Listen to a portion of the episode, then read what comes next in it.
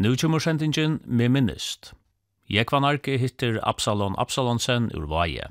Onnur sending.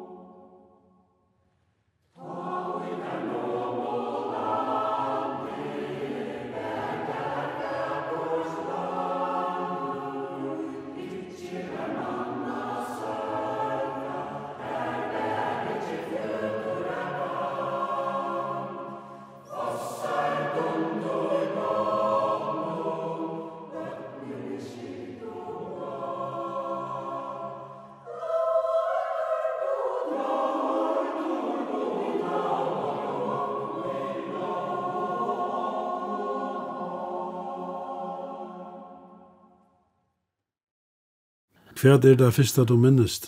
Det aller første som jeg halte meg minnast i visse, det er ta og tyskerne bomba i vei. Og jeg har funnet fram til at det var 4. februar 1942. Så det er nekka årene fytle, tror jeg. Men det var jo ikke si at det kan man minnast.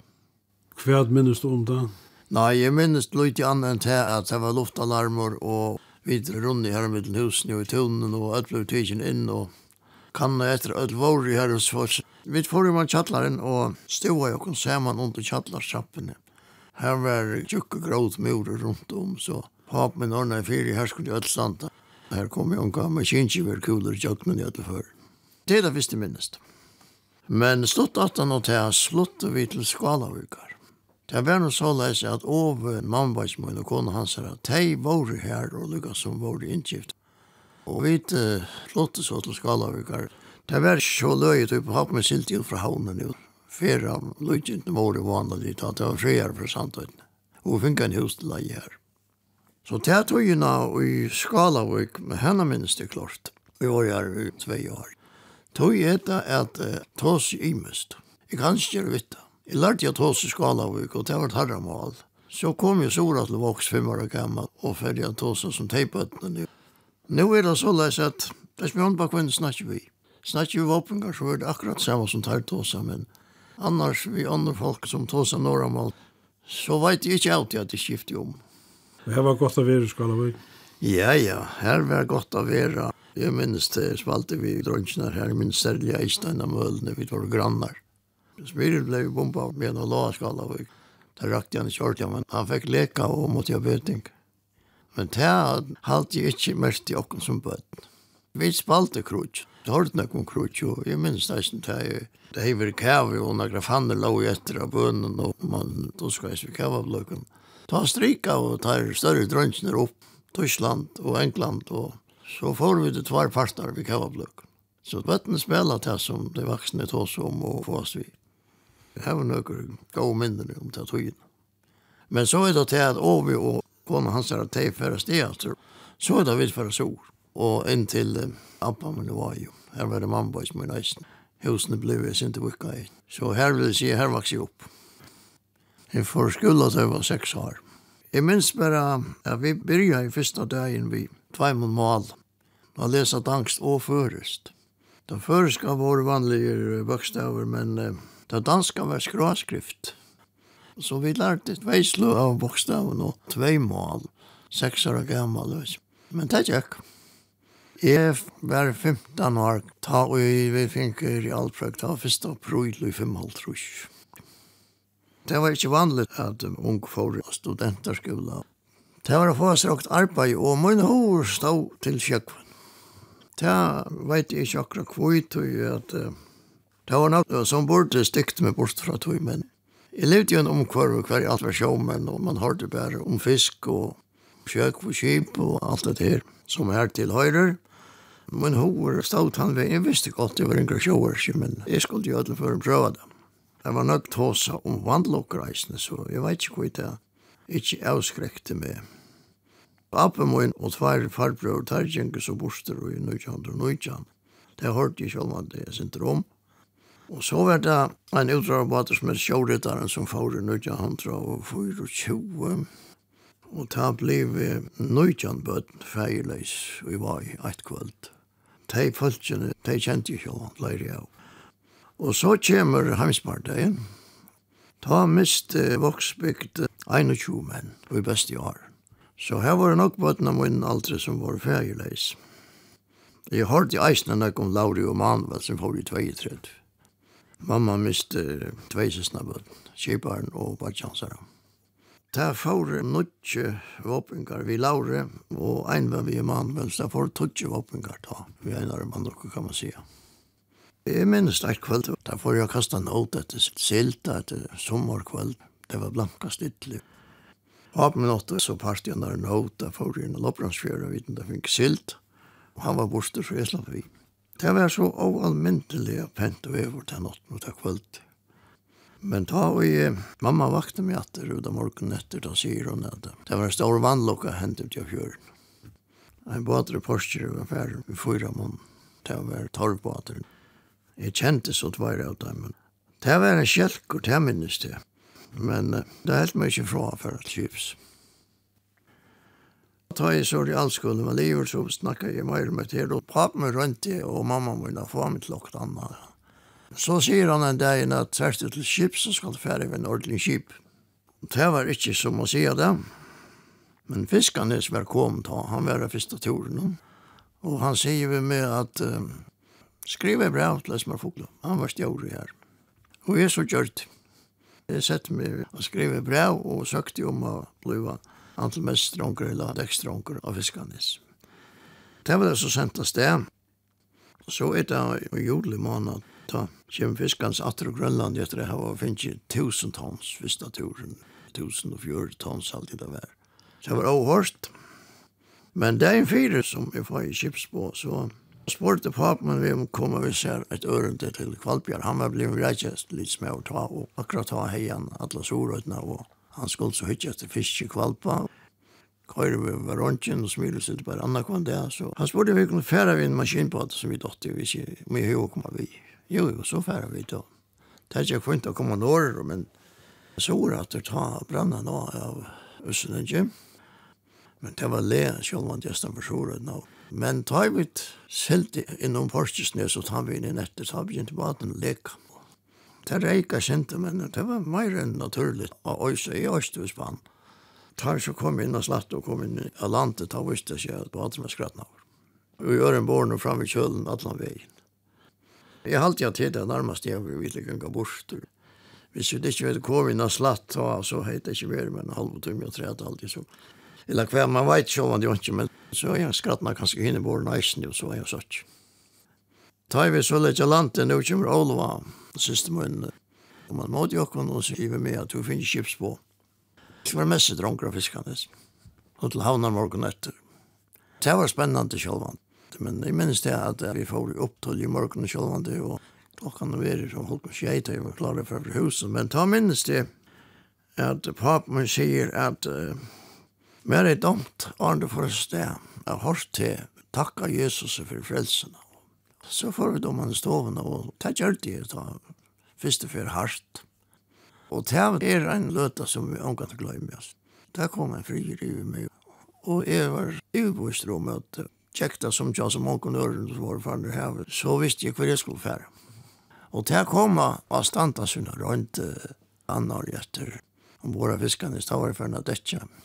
Han er ropade där att det är min tråd. Det var inte gå på. Men jeg minns godt at det var pura roller og hoksa bare det, at det var det.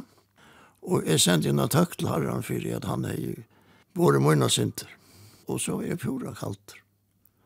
Det var en spennende løte, sjåvande. Jeg får som mest dronker, og sjåvarken var yngre av kynna vi, men jeg sette jo i meg at jeg skulle til ånka løte for sjøme om min arbeid. Så rønte jeg passet til som jeg skulle, til, og det gikk så bedre som turen leik. Og da jeg så sikla heim, så kom jeg inn i messen hans Paulus i Dreinsmadler her, sier han, ja, hva er det er dumt turen, og så ordene jeg sier, mer dumt vel, jeg var ikke å gjøre min beste. Ja, det som jeg skulle spørre det, sier han, hva er det hva for det ikke neste tur? Ta følte jeg meg ordentlig ståra. Sjølvande, takka jeg fyrir jo, og så får jeg det ikke, ja. Og jeg var vid i Fiskanes i seks år til for på skolen. Men vill jag vänta att det läsa här minnena. Det var uh, om natten. Paul uh, Johansen, kiparen, han var av brunnen. Vi gikk ta troskift vakt. Og da Jakob var breit og kvalpa, han var annars styrmer, han var av. Og til han som vi høyre råpar opp til Paula, det her er det minne vi. Det ble en kjelker som begynte å renne, og hun får rettensbåten sette seg opp Men eh, hver skal man færre, så brast hon, så brast hon, og så, og så var det ligget. Men Pauli kommer så nye og dette, og hikker på etter her. Han var en kila med over, og dott til øyla vel arbeid, og legge til rattes. Han er jo nok helt til her, at hvis vi skjer han å leise, så kan han breste av kipsøyna, og, og så var det gale. Øren leis, så er hun ferdig i botten her, som alle lov fiska i. Så er det bare noen grannar finnes en ui, eller videre finnes en ui atter. Så han ordnet fire og tek han inn. Det var en stropper tvert från trompellen som vi droppte i kjøren, som var alle til at han var fastelt at jeg inn en påse til som var nye for kjøren. Så hun var kommet ned mot kjøren, og her hekk hun. Han fikk så en stropp for trompellen om han fyrir gjennom. Så hadde vi det tvær kilser og en annan vist i atretter og annan frametter, og alt vi hatt den tre eisene som vist ut etter. Han som vi tatt livet på sånn ut. Og så leis blei jo hon spekelia lirka opp om lønnekina og innan dette. Og lagt av dette, ta minst det at vi lå nekker her og rundt i halten, så han skulle hente og forsiktig igjen, men og skjerene leisa skulle holde bellen. Ta, sa jeg at hold var for Jona, men det var nøylig jeg kom. Du, hun var pura blank innan. Og, og alle mekanismen og sprøngestoff og alt det, det så vi da, jeg et stort hål som var skratt noe henne det er sikkert vi er med noen kontroll. Så battlet vi den inn i gammelt nett, og så silte han langt ut av omgang båten, som vi kallet det. Og så ble hun lyrket ut av det, og på samme måte. Så det var en latter da hun får av det. Hva var hans Paule? Hans Paule var. Han fikk ikke vite at han med det ikke virus, men jeg vet ikke hva han har gjort hvis han kom opp, altså. Om han er bare kappet alle greiene, eller hva han har gjort, det vet jeg ikke. Men han tog så bara på det och gjorde det her, og det var säkert rett. Det var det som är upplevelser vid Fiskarnesen. Det är en näck omtala tantoren og kappan tar jo i hans hetoft. Jack Borster. Da var vi där. Vi dødde var i Island til Luisfisk. Det var vanlige turer, ikke var få, og var den finke løyte. Vi får så til Grimsby, og vi får ikke inn og følger, så alt falt jo vi. Det er nok tog at han var atle at færre kanskje eistre etter et eller annet annet vi ikke får bo i følger kanskje, da vi døde landet. Vi kom så norr og i eller her, norr enn Skottlandet. Ta fær Hans Paul samband vi Jons Pettersson som Svenning var kipar, ja. Svenning sier at her høtte haft råkfiskeskap av kappan.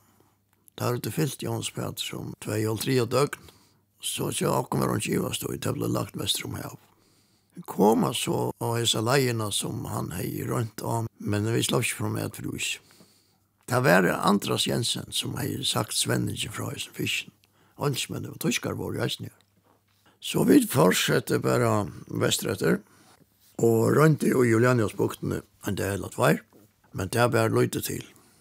Men så er kvöldet så tog seg hans Paule vi støyna av prins Kristiansund, og der skjøtte jeg at her så vi ångan og is eistan men nå vet det til at her sørtja bare en liten geira ut i havet. Men lukka mykje, ta ble så rundt å slippe ester om, og til eitna just. Vi får det fram vid landet, det var nekka og is, men det tjekk, og troll ble så kort utfyrra parten enn fyrt, da, da er jeg frøyvakt. Men vi kom i atra vakt klokkan ved halv tolv, ta var der fyrir vi hall og det var vel oi. Hon sier for meg at det var fyra påsar, det var en godt hall. Men ta brannan han av, kavar og och. Så det var tjocksen grom och går ut efter. Så var det det, å släppa borster igjen. Vi får så arranges av fiskarna i våra däcken. Men det lej som mest till her, at här var i alle trutcher av brunnen, bara og och kiparen. Till grafisten är ganska vilja reisning. Ta jeg vet stå og kroti og vaska i fiskarna nyer. Han sa i ena fyrir når at et skjer eller en lydel åk for at vi bor. Ikke mer enn en kipslang fråken. Så vi, det var kallsvart kavar åk. Så da har vi vært nær, men det har gjort det så til at der vendte i atter og får fram i landet. Og da er det så var li ut, man får seg fiskene av Da Ta være sinte rumligere i husen, og der råpa seg av brunnen at det var en mann til utgikk. Og det var just mot tørn. Så jeg færre på brunna, men i gangen er bare utanfor til grafistrum. Her møtte jeg hans Paula. Og han sier vi med, altså han grøy alvorlig. Ja, her ligger hans hetoft og sendte neia kattlande søkkande. Han er 24 graf råkon, og til grafistrum sjokken er ikke visst vi. Ta i han hørsta sjolver og en mottakar av brunne. Men i skiljen var det nå at uh, henne trålarne som lå i Íslandi, det er at de heller ikke finnes samband vi okken. Det var bengene for jokk. Forklaringen er nok tann at det er store antenner som til grafisteren brukte jeg var langt ta er så ivrig sier at det er ikke virka. Det må være forklaringen. Men jeg tror jeg sier at jeg at hvis vi vet at jeg har snitt en egen kall, tar det var sendt ut, og var bare 20-14 gram fra. Så halte jeg ikke at jeg hadde ventet til Nådland. Da land. det var det rundt å sloppe utlandshet ofte. Det er jeg aldri gynnt. Ta hei fiskane som er ferdig bånd, så, så jeg ikke sitter her. Men vi kom så ut i rysen, og, det ble nøklund og isfrøyt.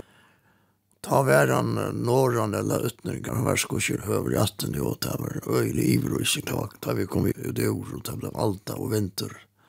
Det var kjøtt, han var alvorlig iver og ikke Men eh, vi kom i på en her, här, kvicksilsot trådjan her, og helt jöken her om natten. Ljóskastaren med gård, han sett av i stikkene, men så hendte det her peren for og ljóskastaren. Da er røyna for oppe og skifta perene, og da får oss en trutje menn og på tæt, og hans Pauli ordna at her skulle være endt av dem, og det minnes de at de stod helt tørn om akkurat her, brukva vansjen. Så at hvis det er folk i det, så skulle det henge i snentan. Men uh, det gikk noe vel, uh, det var Oldal Olsen og Stremnes som gjør det hjelp, som skiftet per. Det var faktisk en bra tøy. Og vi så noe kolta og storm og nekken frost, ja. jeg skroet så små skroene som helt i glesen. Det var godt gjort at han mekna i det. Jeg var en trutjerer som han hjelpte jo. Morgon etter var godt vever. Da får det på en gås, for å sykla alene. Samme vi øren som var å leite etter om det kan være finne, man men det kom så ikke en rettenskrans ræk i Ísland år i etter alt. Vi så en rettenskrans, det gjør vi. Men vi fikk ikke hendt råd, men han var tatt jo og kom da foran til våren. Han var ikke nødgjør. Så neivann var veldig avansert toft. Han var sliten og skratter og alt. Det var så det. Jeg ble så verande her inntil jeg får på skola og i nødgjøn hundre trusj. Det var en mann for seinere for skola, men, men det er ikke hei gynnsir i allskola og det kom vel vi ta. Så er det at jeg at jeg ble liv i skolan og jeg hei avtale vi Hans Paolo om at det skulle være båretrafiskanes. Men så hendte det at uh, Johan Dahl ringte til meg at han manglet en uh, støyremann ved Jøkvann og Gøren som var en uh, nødgjort han. Jeg sier, det var gammel noe, men jeg kjente bare ikke til løgnfisk. Ja, ja, men det, det man for å komme, helt annet. Men jeg først snakket i kjiparen. Han ville gjerne ha noe med vi. Jeg kom til Gjøtlen for en arbeid av fisk, fletja og salta. Det visste jeg alt om. Så jeg får jo på Nagøren, og jeg var jo en tro år. Det var første fer jeg ble kjipare. Det var i desember måned i 1902, tror jeg. Det var så løs at vi hadde vært i Grønlandet, og kom hjem i desember måned, og lasten var selv til Spanien skulle landas til Bilbao. Så ta blev jeg vi innom affære som kipar. Ta kom så tvær gamler opplagste kipar vi som bestemenn. Paul Wiberg der oppe til Pulleren, og Ernst Thomsen som førte Martin i Nøkvar. Der kom vi som bestemenn. Det ble en rinketur til Vever. Vi kom så om fyrjar og finke ötnar Vever og ta tjekk ratan fyr. Vi løtte så bare bakk om åttena og så skulle vi inn i Størnevei og Det er vattnet i, vi skulle hava vatten og olje i Det var så som vi hadde vært i havnen, og vi hadde tømt en løstank av pumpa der opp. Da kom kipa svinni og sier at kjipa er alt for tungt. Der er nøkna av vidt hvordan vi kunne latt om kjipa. Der skulle de hava så snakk frøybord, men det er ikke frøybord, det er fleit enn og dette, det er fleit først om kjipa. Så vi var fra køyre olje opp at ro og slippe å knæve i sånne vatten som mulig. Men eh, Jeg minnes det sett dem som treit at vi skulle hava olje til en vik og skulle hava vatten til ikke det her. Men ta vær så frøypår og det var nek minne en kraftvær, men vi slopps oss det. Og så kom vi så rom i Øtnar, vi var ikke en i fyri, og vi kom inn i Stornevei. Det har gått vært her, vi hadde en gått peilar og gått korset. Men hette sånne morgon, og her var ikke gjerra i stårne vei en sånne morgon. Kvartje vatten eller olje eller omvela radaren. Så vi får være utdatt. Og da vi kom ut om her, nå køver jeg om mjørka. Og vi var innankjørs. Vi anker radaren. Men peilaren var gaur, og her var nekko fyrar av peila så etter som tætjekk. Og ta vi etter peilaren helt av vi var utfor Belfast, så fløyta jeg et lås. Og det var ikke lunsje som er låsbåten på Svina.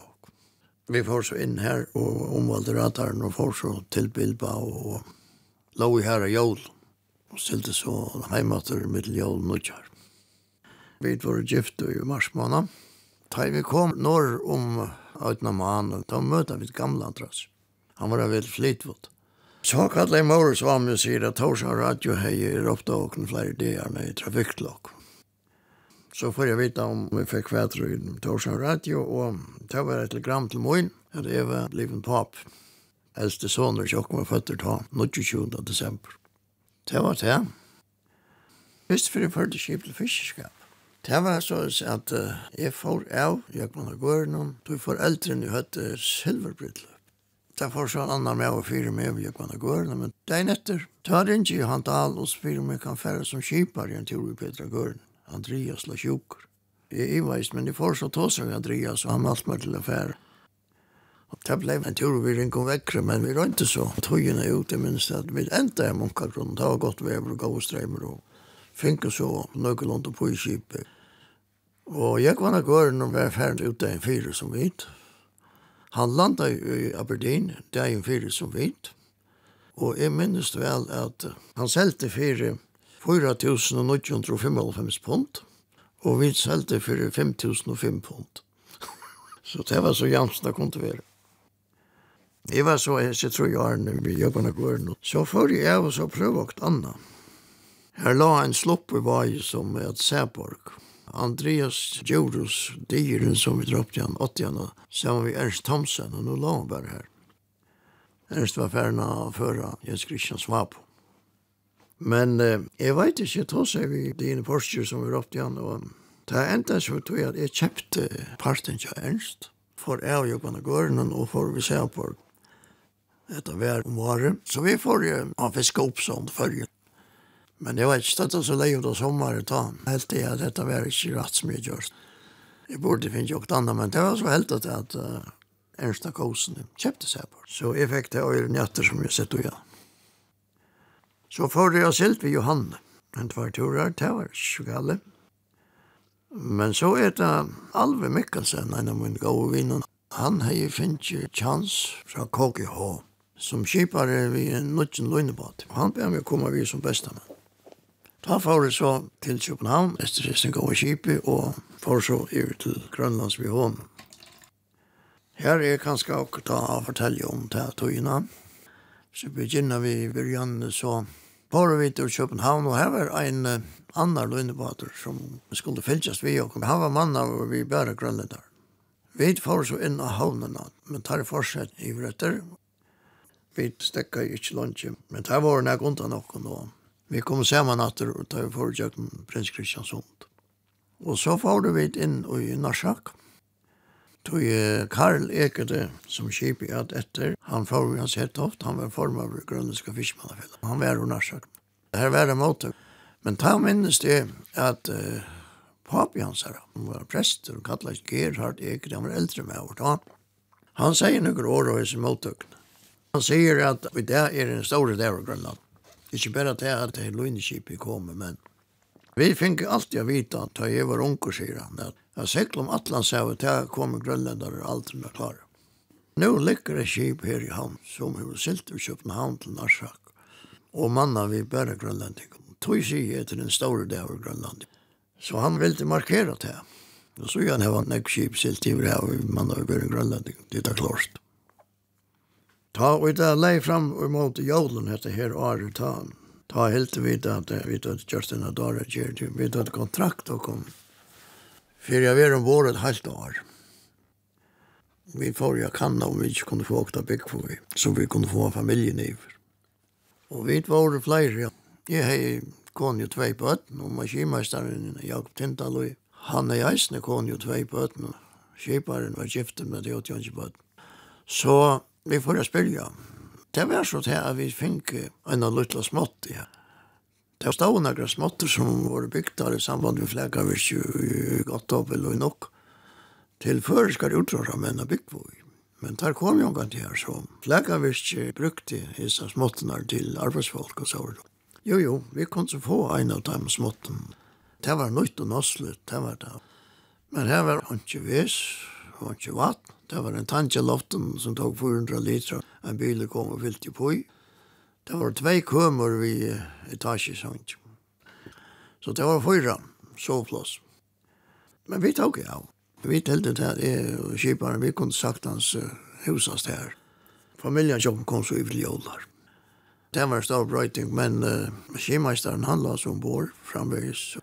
Men när jag satt nu, då fick vi denna småttja träd. Och kiparen och konan hans här flott så in med henne. Og så gjør vi til at vi bjøde i kone og skimeisteren Solveig Tintaløy iver å være sammen med Jakob hvis hun tok til takker vi tog. Hun kom så iver vi dronjen til vår smadronjer da, tvær. Hun kom iver Petra Gøren til påskaren. Så vi bjøde sammen i tog husen nok så lunch. Vi finner så hver så ut satt. Men vi får så hjemme til jævlar. Dette var en forholdsvis milde veter som vi var i her. Men uh, det hei ikke vært godt å bo her enn her han vet og det visste seg eisen i at uh, da vi var ferdig nå, de tog i huset, da ble en strank og vet og de måtte flyta. De måtte finne noen andre med enn dem var på det ringaste. Så at det fikk seg oipu, og familien Tintaløy ble så verande jo nok. Det er jeg enn flere av dem. Det var et godt år, må jeg si. Vi fikk et bonus jo på 20 000 kroner, som var en halv år siden til å ta. Fyra vi et år ombord. Så får jeg heimater, og jeg får atter til Johan Dahl, og spurte om han er et arbeid til meg. Han sendte seg på et mer dagen etter, atter til to. Ta tar i til Borgsna for et år fra man omta. Og det var et år av Grønland og silt i fisk i middelrandet og førgående, men nå la han så bare her. Vi minns godt han sier, kunne vi ikke arrangere akkurat ved Borgen, sier han. jo, det har jeg også, jo, men så tok jeg av. Det var li ut av varer, så det var ikke nevnt å få folk. Men jeg minns det sett inn av løsning i bløyene, og da var det nekker som meldte seg til. Svavomun var kjipere lærter, han ble beste med, og annars Svavomun var maskinmaster, eller motorpasser, hva man kallet det. Og så kjente jeg nekker gode grønne, som vi kontaktet i, og så kom vi. Så får vi det sted. Det var en god tur. Det gikk vel. Vi finner på i borgene rett og slett kjøtt. Og så får vi uh, en tur og sylt, det var ikke jeg trus. Det var sørste året, og man merkte når jeg sylt, sa han akkurat til han. Vi fikk en 1600 tonner alltid, men det var vi bytt oss litt. Vi var nesten i Bjartmøtene, og det var det året silt en kvarv. Så får vi og røk vi ut ved en 20 tonsere som der hadde bygd. Albert Victor, rau ut i hånd og veteren og teida lujer ut, kommer ut i mars ta var det så løs at han beste togjen vi lå inn i Asjore i affæren. Men vi hørte om at det var det fannet å få nøkvann fisk vi snelle av Norrhavn. Så helt av virkelig for å røyne til. Jeg synes Svavmen som var maskinmester i Borgen, han var atter og funnes fire. Han var kjent av Norge, så vi helt av virkelig bare fære. Og jeg minns da vi kom av kajen etter kveld, det var blanka stittle, vi lurte her til Vebratnisen, Norrmannen sier fotland storm av landrygg. Så sier vi lett dere boje vid hva danskaren sier. Og det var han ikke der. Men så sier en av mannen han er meinar. det er skam skomma for til hus, sier han. Det er blikar av kvøljen tanke. Onker er ikke tid til kjøttena vi ut, jeg råkner ikke til å bli færre, men jeg sier så vidt han her færre og fyller kjøttena vi færre. Og jeg også som så kommer vi til norr om Lytteldøymen, Arne brenner av, så skulle vi nok klare åkken til havnarne er vi ikke kommet av Løttlum, så skulle vi snart slippe inn at rett før jeg av Voksfjord. Ta vi koma av Johannes, ta luste, og ta brannan og som et skåt av landet i Tjokavaroj. Så vi får lagt jøkken av Klaksvik. Og det var utdrara stopp. Det var åsamt om fiskaprøys, og det hadde lagt vaten. Men vi får bare ut. Jeg minnes godt at jeg kom ut og kastet, og det var veldig spennende. Vi fikk 6.000 pund vi håndsnell visst at jeg.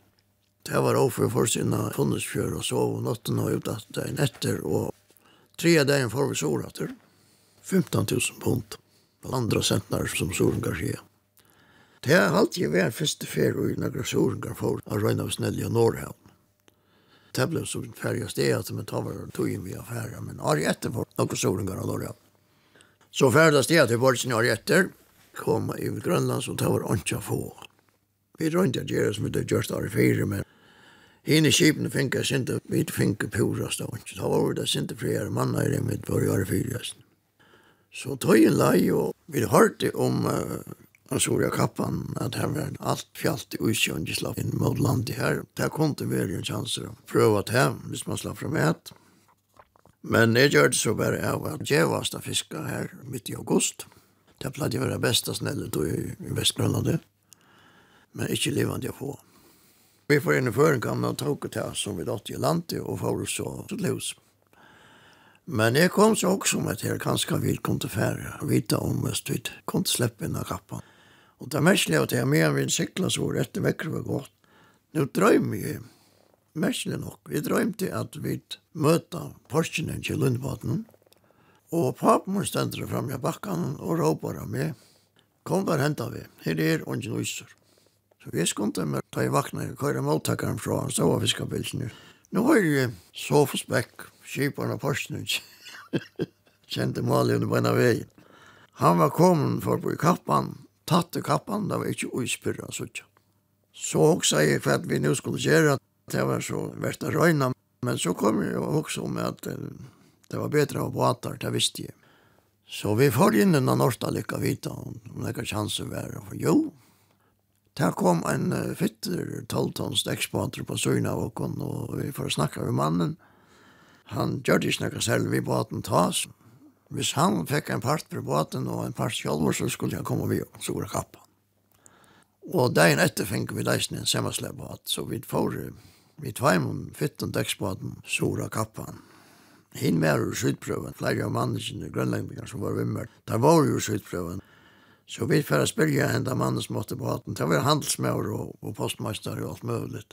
Jo, jo, hvis han fikk en mann vi og en part for båten, så skulle vi få båt. Og vi var så heldige at en klaksforsinker, han er veren nok var kappan, vi tenker han det, så tar med skipen. Og ein uh, av grønlendingen som var ved Jokken, han var mannkunniger av kappan, han var flere år, vi kvitt bjød, han var kila med oss. Så vi var ikke kjøyla fyrir sålesnar. Ankra jo i Narvik som tar opp til Grøylevoikin. Navnet fikk hun til at Albert, stor Albert hei li her i baten, fyrst av ötlen. Det var godt å litja. Man kunne røkva flere veier, og det var alltid li angsten om det var vinter og fiskeren stod og uklett. kletten.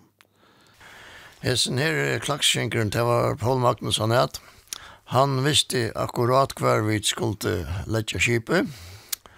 Og beste mennene, det var Paul Veie Svavemøyen og Åtne Tausen og Veie, så alle.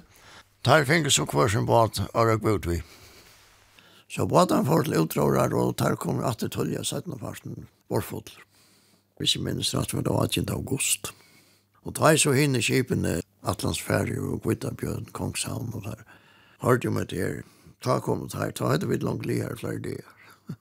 Men det var ikke så langt inn til vi uh, finke last.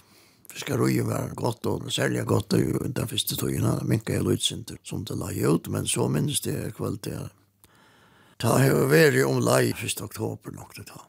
Nå mangla jeg løyt i last, og han er i li i støtt av landet rundt i Lundtje, og det var alt leiv i fiska av yngelig av landet. Men nu etter kvelden, nu sier veobrattning, men det skåa hos hjelm. Og menn kom i atra båre, og tar for å gjøre rent, og sitte ut og døvra, nok sittla toskaier.